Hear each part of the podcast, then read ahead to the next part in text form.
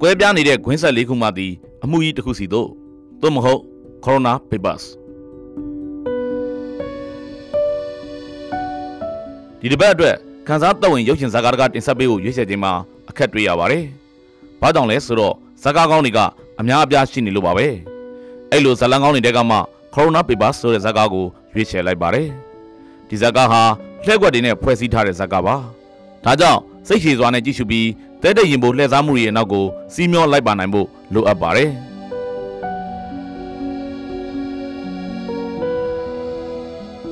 ဇကားရဲ့ထူးခြားချက်ကဇလန်းအစအပြကွက်တွေဇလန်းသုံးပုံတစ်ပုံလောက်မှာပြတဲ့ပြကွက်တွေဇလန်းလယ်မှာဖြစ်ပေါ်လာတဲ့အခြေအနေတွေဟာတစ်ခုနဲ့တစ်ခုဘာမှမဆိုင်သလိုအဆက်ဆက်မဲ့နေတာပါပဲ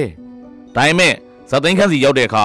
အဲ့ဓာတွေအားလုံးကဂျိတ်ဆက်ကွင်းဆက်တွေအကြောင်းကြောင့်အကျိုးဖြစ်လာတာတွေဆက်ဆက်မှုကကြီးမားလုံးချင်းမကကြီးမားလုံးနေတာတွေကိုအံ့အားသင့်ဖွယ် ခန်းစားမြင်တွေ့ရပါလိမ့်မယ်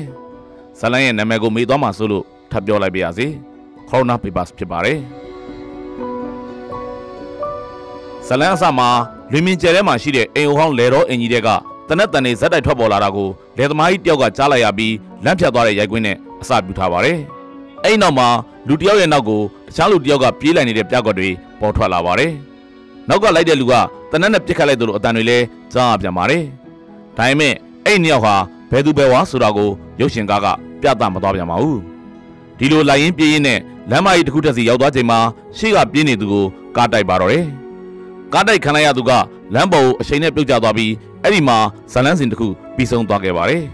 ။အဲ့နောက်မှာတော့နောက်ထပ်ပြောက်ကွက်တစ်ခုစီကိုရုပ်ရှင်ကဆွဲခေါ်သွားပါတယ်။မနက်ခင်းတစ်ခုမှာတက်ကြီးပိုင်းမျိုးသားတစ်ယောက်ကကျမ်းမာရေးလေ့ကျင့်ခန်းလုပ်ပြီးအိမ်ပြန်လာတဲ့ဇာဝင်ခန်းကိုပြသပါတယ်။သူ့နောက်မှာဘတ်စကတ်ဘောပုတ်ကစားနေတဲ့ကလေးမလေးတစ်ယောက် လမ်းလျှောက်ပြီးလိုက်ပါလာပါတယ်။အဲ့ဒီအချိန်မှာပဲကားတစ်စီးကသူတို့နှစ်ယောက်ကိုကြော်ဖြတ်မောင်းနှင်သွားပြီးခလန်းလန်းတနေရာမှာကားကရပ်သွားပါတယ်။အဲ့နောက်မှာတော့ကားထဲကနေမျက်နှာကိုအိုးစီးထားတဲ့လူတစ်ယောက်ထွက်လာပြီးတက်ကြီးပိုင်းအမျိုးသားကိုပွဲချင်းပြီးအောင်တနက်နဲ့ပစ်ကာကားထဲပြန်ဝင်ပြီးကားမောင်းထွက်သွားပါတော့တယ်။ဒါကဒုတိယဖြစ်စဉ်ပါပဲ။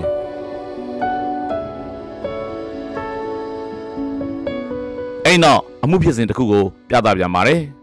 ရဲရရှိအမျိုးသမီးတစ်ယောက်ဟာလုတ်ပိုင်ခွင့်အာဏာကုံကိုရောက်ပြီးအမှုတွေကိုဖော်ထုတ်ပေးသူပါ။ဒီဖြစ်စဉ်မှာလဲအမှုနဲ့ပတ်သက်မှန်းမပတ်သက်မှန်းသိချာမသိဘဲနဲ့သားပါနှစ်ယောက်ကိုတရားခံဖြစ်သူမကဆွဆွဲပါတယ်။အဖေဖြစ်သူကိုအခင်းဖြစ်စဉ်စစ်ဆေးတဲ့နေရာမှာရင်သူမကပြစ်တက်လိုက်ပါတယ်။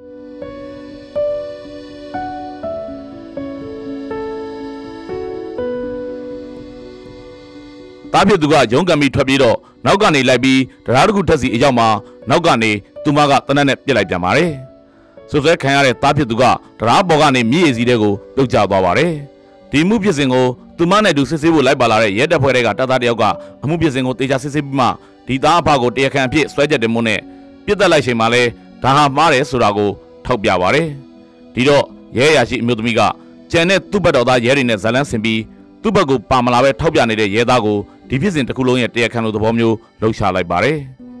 ဒါကတတိယဖြစ်စဉ်ပါပဲ။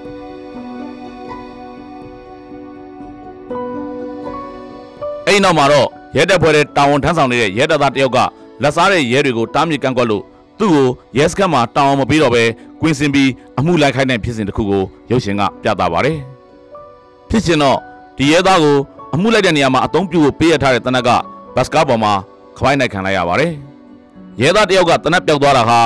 အထက်လူကြီးတွေရဲ့ယာရုကိုပါထိခိုက်လာနိုင်ခြေရှိနေလို့ဒီအကြောင်းကိုကြံတဲ့ရဲတပ်ဖွဲ့တွေမသိအောင်ဖုံးဖိပြီးသူ့ကိုတာဝန်ပေးတဲ့အထက်လူကြီးနှစ်ယောက်နဲ့ပူးပေါင်းကဒီရဲတပ်သားကတနက်လိုက်ရှာပါတော့တယ်။ဒီချိန်မှာပဲ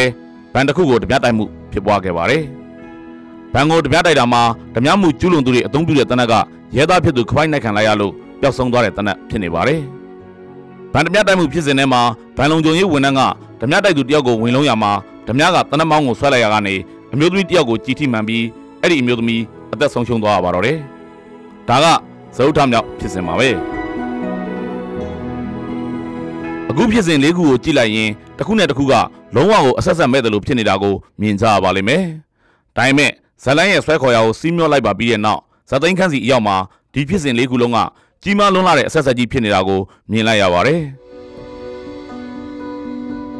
လက်ကွက်တွေများလုံးသလိုစိတ်ဝင်စားစရာတွေကလည်းဇလန်းတစ်ခုလုံးမှာအပြည့်အနှက်ပါပဲ။